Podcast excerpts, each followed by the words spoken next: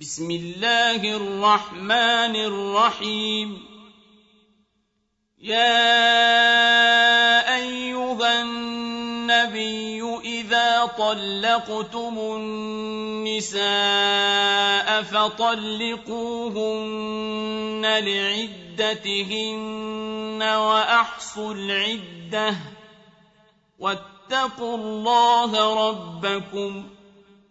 لا تخرجوهن من بيوتهن ولا يخرجن إلا أن يأتين بفاحشة مبينة وتلك حدود الله ومن يتعد حدود الله فقد ظلم نفسه لا تدري لعل الله يحدث بعد ذلك أمرا. فإذا بلغن أجلهن فأمسكوهن بمعروف أو فارقوهن بمعروف.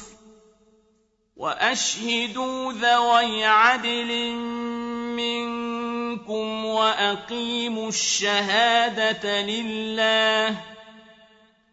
ذلكم يوعظ به من كان يؤمن بالله واليوم الآخر.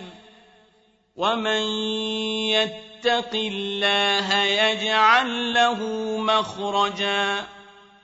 ويرزقه من حيث لا يحتسب.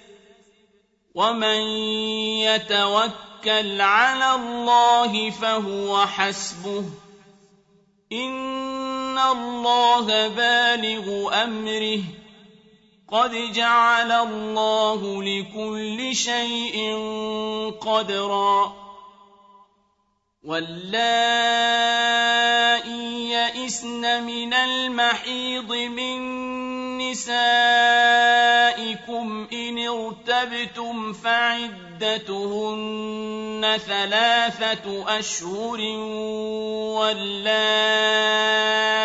لم يحضن وأولاة الأحمال أجلهن أن يضعن حملهن ومن يتق الله يجعل له من امره يسرا ذلك أمر الله انزله اليكم ومن يتق الله يكفر عنه سيئاته ويعظم له اجرا أسكنوهن من حيث سكنتم من وجدكم ولا تضاروهن لتضيقوا عليهن وإن كن أولات حمل فأنفقوا عليهن حتى حتى يضعن حملهن. فإن أرضعن لكم فآتوهن أجورهن. وأتمروا بينكم بمعروف. وإن تعاسرتم فسترضع له أخرى. لينفق ذو سعة من سعته ومن قدر عليه رزقه فلينفق مما آتاه الله. لا يكلف الله نفسا إلا ما آتاها. سيجعل الله بعد عسر يسرا وكاين من قرية عتت عن أمر ربها ورسله فحاسبناها حسابا شديدا وعذبناها عذابا نكرا فذاقت وبال أمرها وكان عاقبة أمرها خسرا. أعد الله لهم عذابا شديدا. فاتقوا الله يا أولي الألباب الذين آمنوا.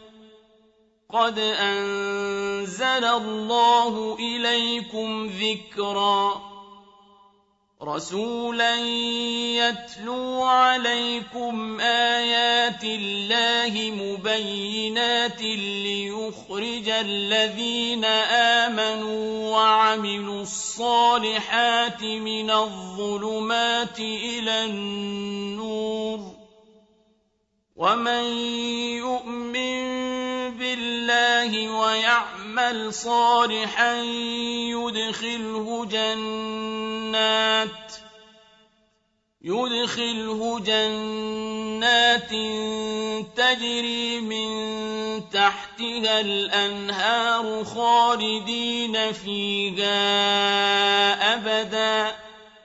قد أحسن الله له رزقا.